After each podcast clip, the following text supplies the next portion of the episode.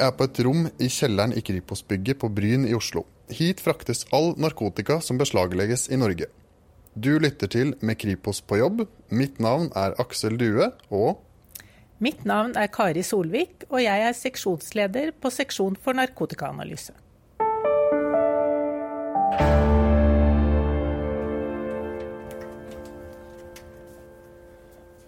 Her kan vi ta ut litt eh, forskjellige beslag med hasj. Eh, noen store plater, små plater. Dette er store, ganske store beslag som er gjort.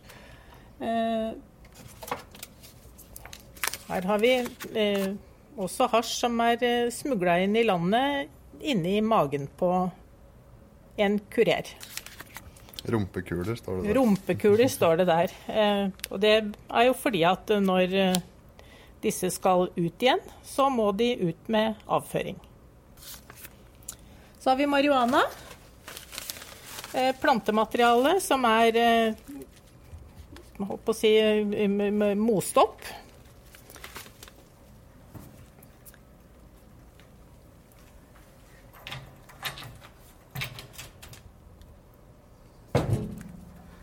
Så kan vi ta med oss eh, litt forskjellig pulver. Kokain f.eks. Også her noen kuler som er smugla i magen på en kurer. Men kokain kommer jo ikke bare inn på den måten. Det kommer også i store transporter eh, i eh, store blokker f.eks. Så eh, en gang i halvåret så lager dere en rapport hvor dere går gjennom alle beslagene og ser på hva slags trender og utvikling det er innenfor de ulike typene. Vil du si litt om hva slags eh, trender og utvikling er det vi ser for de ulike stoffene akkurat nå? Det det beslaglegges mest av, og sånn har det jo vært i mange år, det er hasj. Eh, hasj beslaglegges stadig oftere. Eh, og i ca. halvparten av alle narkotikasaker nå så finner vi hasj. Enten alene eller sammen med andre stoffer. Eh, hasjen har blitt veldig mye sterkere de siste ti åra. Eh, går vi tilbake til ca. 2010, så hadde hasj et innhold av THC, som er virkestoffet, altså det rusgivende stoffet i hasj, et innhold på ca. 7% og i dag måler vi over 30 Så det har vært en eh, firedobling av, når det gjelder eh, styrkegraden. Og det er klart at dette gjør også hasjen farligere enn den var tidligere. En annen utvikling vi ser, det er eh, at det har blitt mange flere beslag av både MDMA og kokain. De er liksom litt samme familie?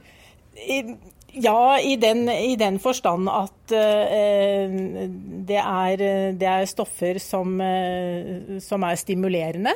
Uh, og de forbindes gjerne med litt festligheter. Det er ikke sånn man sitter hjemme på rommet og tar aleine. MDMA det var jo populært Eh, den første toppen med MDMA kom jo rundt eh, år 2000, hvor den gjerne var forbundet med rave- og house-kulturen. Eh, ble gjerne kalt ecstasy på den tida. Så var det omtrent borte fra markedet rundt 2010. Og det var fordi at man lyktes internasjonalt å regulere de utgangsstoffene som man bruker for å lage MDMA. Men disse som holder på å lage sånn, da, det er god butikk. og da driver man litt produktutvikling og finner, ut, finner nye måter å produsere på. Så eh, nå tar man utgangspunkt i andre utgangsstoffer enn tidligere, som ikke er regulert enda, og så er produksjonen i gang igjen. Så de siste årene så har det vært en stor, stor økning i disse beslagene. Vi ser både tabletter, det var jo det som var mest vanlig tidlig på 2000-tallet. Eh, men nå ser vi også mye MDMA-pulver og krystaller. Kokain eh, har også økt mye, eh, og det som har økt mest det siste året. Vi ser mange beslag, både, både store beslag og, og mindre, mindre, beslag. Det har økt både antallet beslag og mengdene som er beslaglagt. Det som er litt nytt det siste året, det er at vi ser en veldig stor økning i dette med beslag av opioidholdige medikamenter. Smertestillende medikamenter som tramadol og oksykodon. Og dette er medikamenter som hvis du er syk, så kan du få det hos legen din? Ja, dette her er smertestillende medikamenter som eh, er forskrevet fra lege eh, i dag i større grad enn det var for noen år siden. Eh, det skrives ut mange flere resepter med denne type medisiner i dag. Eh, og det er klart at jo flere som bruker Dette er medisiner som kan være nyttige på mange, på mange måter, men som også er avhengighetsskapende, og som kan ha et stort misbrukspotensial. Og det er klart at Jo flere som bruker den type medisiner, jo flere vil det også være som blir avhengig av dem. Og dette er typisk eh, beslag som tas på grensa, f.eks.?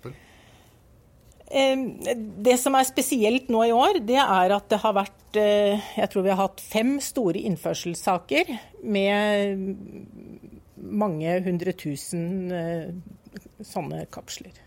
Og det er, eh, det er spesielt. Det har vi ikke sett tidligere.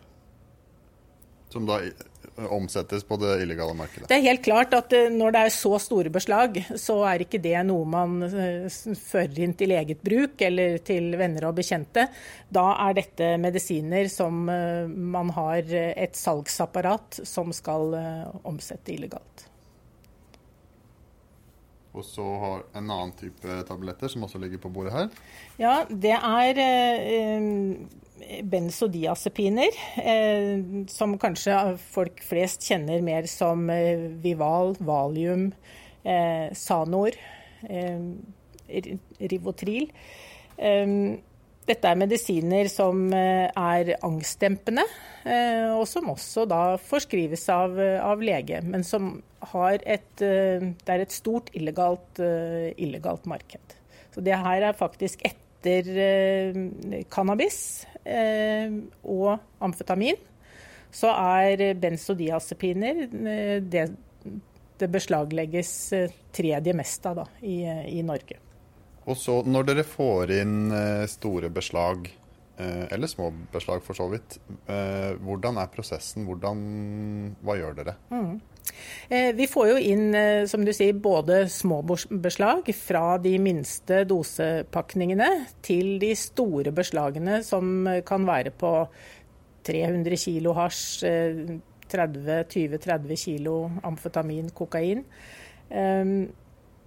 Vår oppgave i, i, dette, for vi får inn alle beslag som gjøres av politi og tollvesen i, i Norge.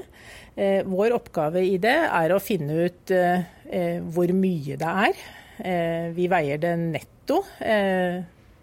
Emballasjen skal jo ikke inngå i, i, vekt. Ofte kan det være mye emballasje rundt, rundt disse beslagene. Og, og, det skal jo ikke regnes inn som, som narkotika.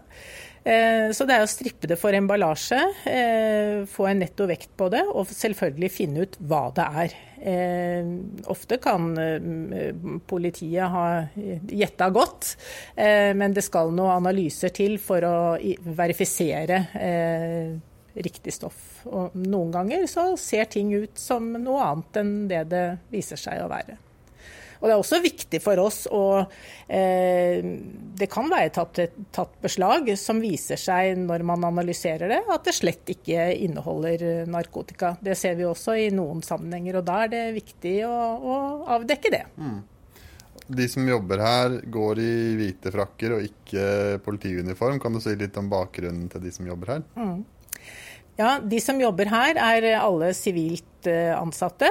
De har kjemiutdanning enten fra videregående skole som faglaboranter eller kjemiteknikere, eller de er kjemikere med bachelor- eh, eller mastergrad. Eh, så her er det høy kjemikompetanse. Mm. Utover eh, at dere skal analysere og finne ut hva slags type stoff det er, og hvor mye det veier, er det noen andre typer spor, eh, teknisk, eh, kriminalteknisk arbeid dere mm. gjør med, med, beslagene? Ja. Eh, de største sakene, der er man veldig opptatt av sporsikring. For man er jo opptatt av å knytte eh, personer til, til beslagene. Eh, finne bakmenn og finne de som virkelig tjener penger på det her. Um, noen ganger har politiet selv gjort sporsikring, altså sånn som fingeravtrykk eller uh, sporsikring for DNA. Andre ganger så overlater de det til, til oss. Så i særlig de store sakene så er det det første vi må, vi må gå i gang med. Um, F.eks. så kan jo det være en, en, sjåfør som sier at nei, de pappeskene som var i denne bilen, det det, han ante ikke hva det var i de pappeskene. Eh, viser det seg at man finner hans fingeravtrykk på de posene med hvitt pulver som er inni pappeskene, så ligger han jo litt tynnere an. Da stemmer ikke helt eh, hans forklaring. Så det er sånne ting som kan bygge opp under uh, saken. Mm. Og selve emballasjen, da? Kan du finne noen spor der? Ja, eh, det er det våre kollegaer på, på en annen eh, seksjon her på, på, huset som gjør. Seksjon for brann og kjemi. Eh, de gjør emballasjesammenligning. Dvs. Si at man kan se på emballasjen. Det kan være plastposer eller det kan være teip som er brukt for å, å emballere beslagene. Eh, og man kan se på eh, emballasje som er funnet på beslaget. Eh, kanskje er det gjort et beslag et annet sted som man lurer på kan ha sammenheng med dette. Kan man finne ut om denne teipen eller den, disse plastposene om det kommer fra samme produksjon. Samme rullen med teip f.eks. Og det kan også være at man finner eh, teip eller plastposer, en rull med poser, et, i et lager eller som et lokale. Eh, som man også kan knytte opp mot, eh, mot beslag. Eh, man ser vel en utvikling hvor mer og mer narkotika omsettes på internett. Mm. Og man kan bestille fra utlandet. Mm. Når du da får narkotikaen hjem, øh, Står det hva som er i? Ja, noen ganger så, så står, det jo, står, det jo, på. Eh, det kan jo være på, være på legemidler, medisiner, eh, kanskje spesielt på dopingmidler, eh, som kan gi seg ut for å være veldig proffe. Det er hvis vi ser på de pakningene og de hetteglassene jeg har her, så ser det jo ut som det er kommer fra et legemiddelfirma. Eh, og det er det definitivt ikke alltid de gjør, eller kanskje snarere tvert imot. Eh, mye av dette er eh, illegalt produsert i lokaler som definitivt ikke er egna for si, legemiddelproduksjon. Det kan være garasjer og lagerlokaler som overhodet ikke er reine. Eh, og vi har eksempler på fått inn beslag hvor det er eh, hetteglass, eh, ampuller med injeksjonsvæsker som er produsert i skitne lokaler. Mm. Og så har jeg lyst til å snakke litt om et stoff som vi ikke har på bordet her. Mm. Men overskriften paraplyen er vel fentanyler. Mm. Kan du si litt om hva det er for noe? Ja, Fentanyler er, og kommer også inn under kategorien eh, opioider. Er, fentanyl er et legemiddel i, i, Norge. Brukes eh, på sykehus i forbindelse med anestesi og til pasienter med sterke smerter, f.eks. kreftpasienter. Så har det eh, også kommet noen varianter av fentanyler som er produsert kun for rusformål. Eh, det er eh, furanylfentanyl, acetylfentanyl er noen eksempler.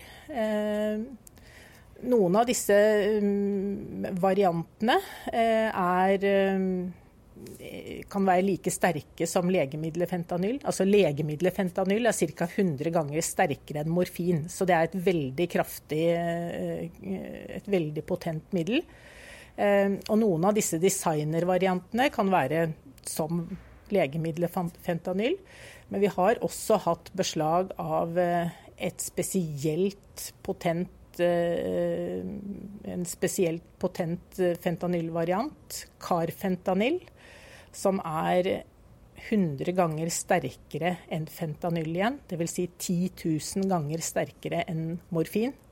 Og her skal det et korn til for å eh, gi rus. Og eh, forskjellen mellom det som kan gi rus og det som kan eh, si, ta livet av deg, det helt kan være helt marginalt. Og vi har, eh, I Norge så har det jo vært eh, er det ett kjent dødsfall da, eh, av dette, dette stoffet. Så både for politifolk der ute i landet som gjør disse beslagene av fentanyl, og for dere her inne som skal analysere det, så må det, jo, må det være en viss risiko knytta til å bare være i nærheten av det. Hvordan forholder dere til det? Her på laboratoriet så eh, er vi veldig opptatt av sikkerhet.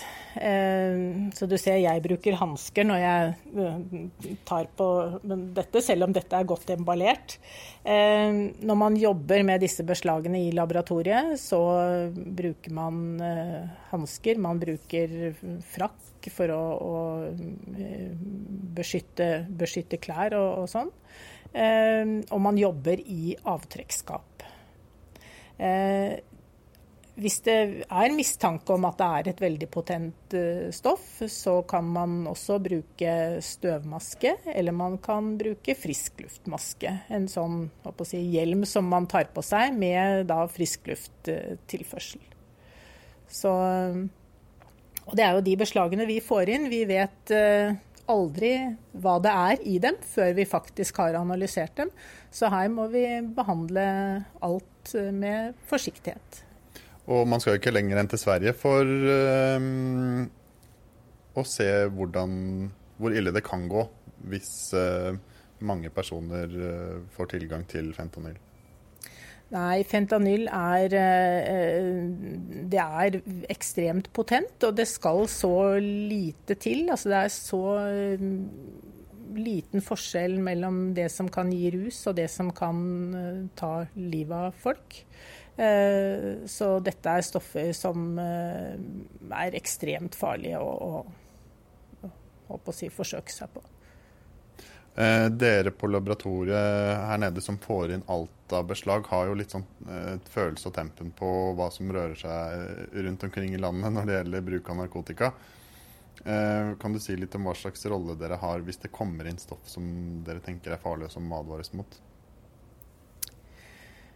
Eh, jeg tenker det er viktig at eh, når det kommer inn spesielle nye ting, at folk der ute får vite det.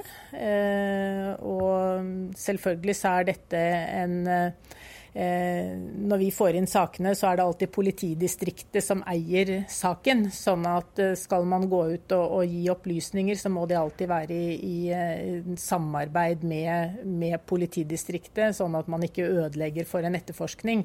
Men det er klart at er det spesielt potente ting, så vil alle være eh, interessert i at det kommer ut informasjon om det, sånn at man ikke risikerer eh, flere liv enn